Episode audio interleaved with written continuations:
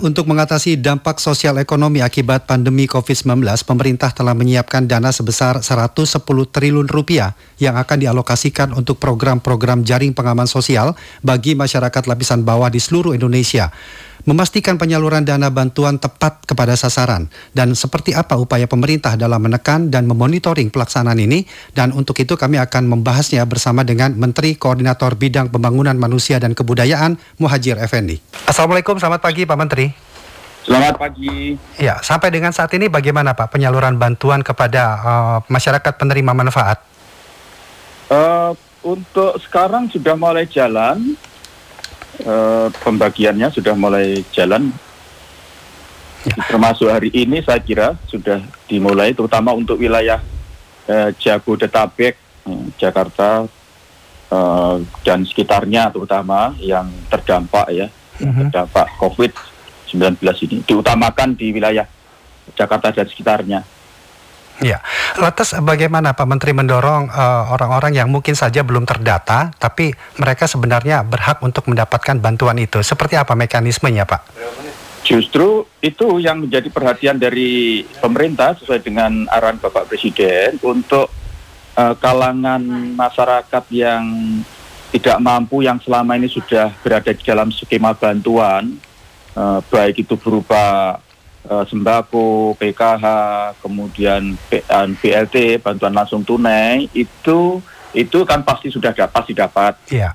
Uh, dan yang diutamakan adalah mereka yang selama ini tidak berada di dalam skema bantuan itu, terutama uh, mereka yang tiba-tiba jatuh miskin, jatuh menjadi orang yang tidak mampu akibat dari uh, apa dari sebagai dampak dari COVID-19 ini, misalnya mereka yang uh, pekerja harian, kemudian juga pedagang-pedagang kecil uh, yang tiba-tiba pelanggan pelanggannya tidak lagi belanja uh, itu yang akan diutamakan termasuk di situ ada pekerja seni mungkin juga uh, supir uh, apa supir angkutan online itu yang menjadi perhatian dari Presiden. Iya, uh, bagaimana langkah untuk memonitoring golongan-golongan seperti itu, Pak Menteri? Itu sebetulnya domainnya Pak Kemensos ya. Memang uh-huh. Kemensos adalah koordinator saya juga. Uh, kerjasama dengan Pemda terutama yang diharapkan karena yang tahu persis uh, pihak-pihak yang uh, mengalami nasib jatuh miskin ini ini kan dari Pemda harus ada pencocokan data yang akurat antara pihak Kemensos Kemensos kan punya namanya DTKS data terpadu kesejahteraan sosial itu harus dicocokkan dengan data yang ada di uh, Pemda masing-masing. Di samping itu kan Pemda juga uh, semua Pemda saya kira juga mengalokasikan anggarannya juga untuk bantuan sosial juga sehingga jangan sampai tumpang tindih antara bantuan yang diberikan oleh pusat dengan data yang ya dana yang, yang diberikan oleh pemerintah daerah. Ya, Pak Muhajir, bagaimana uh, agar keinginan pemerintah agar setiap bantuan yang diberikan ke masyarakat tepat sasaran sehingga uh, mungkin ada mekanisme seleksi yang cukup atau pengawasan yang cukup ketat, mekanisme yang di, didorong untuk pemerintah melakukan itu seperti apa ini, Pak? Kalau mekanisme pengawasannya ya otomatis ya di masing-masing kementerian kan ada inspektoratnya, kemudian kita harapkan juga daerah punya inspektorat daerah Nah, yang penting sebetulnya adalah data. Datanya harus valid betul, harus uh sohi.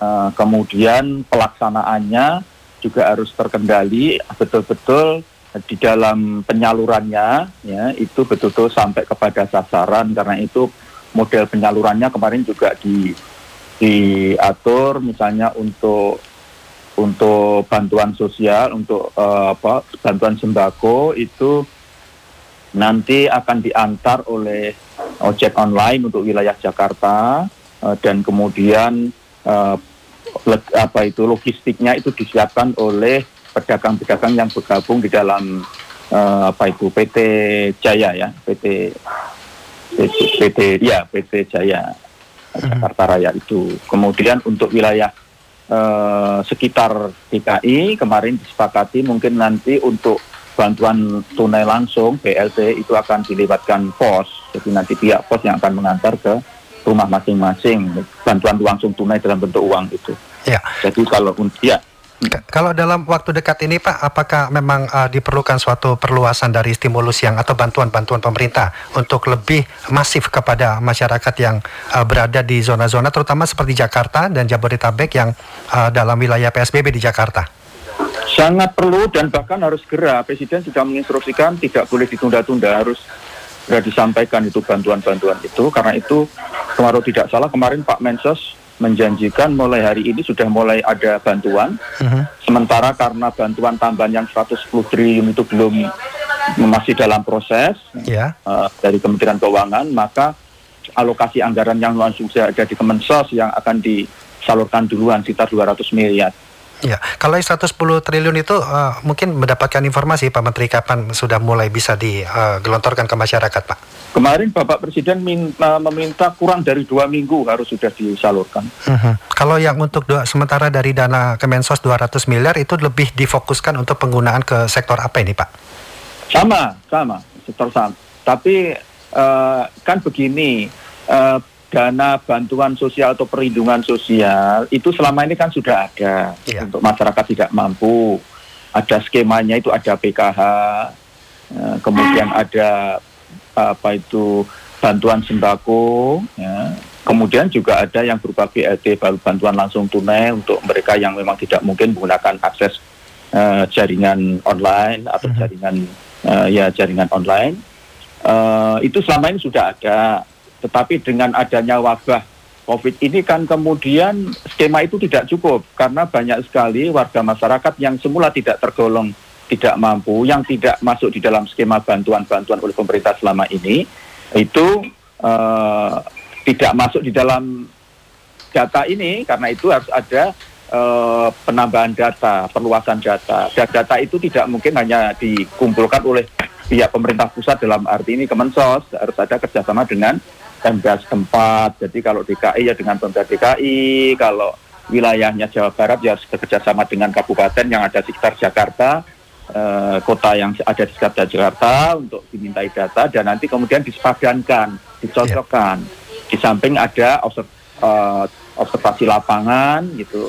Tapi ini kan tidak mungkin ketat gitu ya. Kita diakui bahwa kita berburu waktu ini antara mereka agar harus segera dapat dengan dengan memvalidkan data. Karena itu saya sebagai Menko kemarin uh, pesan sudahlah untuk datanya tidak usah uh, ketat-ketat amat. Yang penting harus segera apa tersampaikan atau terdeliver uh, bantuan-bantuan itu untuk mengatasi uh, apa kebutuhan-kebutuhan yang mendesak untuk memenuhi kebutuhan-kebutuhan yang mendesak, terutama kebutuhan dasar, terutama sembako itu. Ya, lantas bagaimana pemerintah melihat dari uh, untuk menggugah ke ini masyarakat atau keikutsertaan masyarakat dari seluruh elemen untuk dapat bersama-sama kita Pak untuk bisa memfokuskan diri untuk penanganan COVID-19 ini Pak.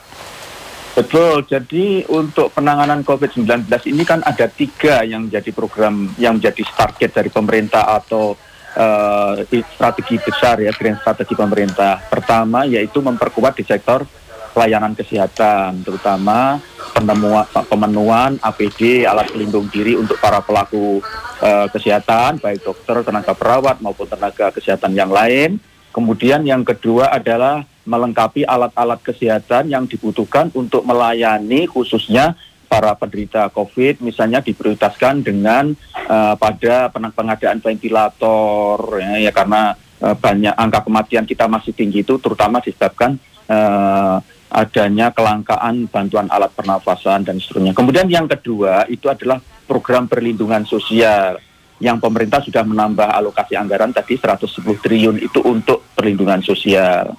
Kemudian yang ketiga adalah untuk membantu uh, kepada dunia usaha, terutama dunia usaha yang terancam uh, karyawannya, uh, pegawainya terancam PHK agar mereka tidak tidak melakukan PHK, maka kemudian pemerintah juga memberikan semacam uh, elastisitas atau atau pelonggaran-pelonggaran gitu ya, misalnya penundaan pembayaran pajak, uh, kemudian uh, apa untuk untuk para pelaku pelaku bisnis kecil juga ada apa ada pemberian kelonggaran. Misalnya untuk kredit para ojol itu dibolehkan menangguhkan uh, untuk mencicil bunga selama tiga bulan bunga dan ya tiga bulan dibebaskan ya.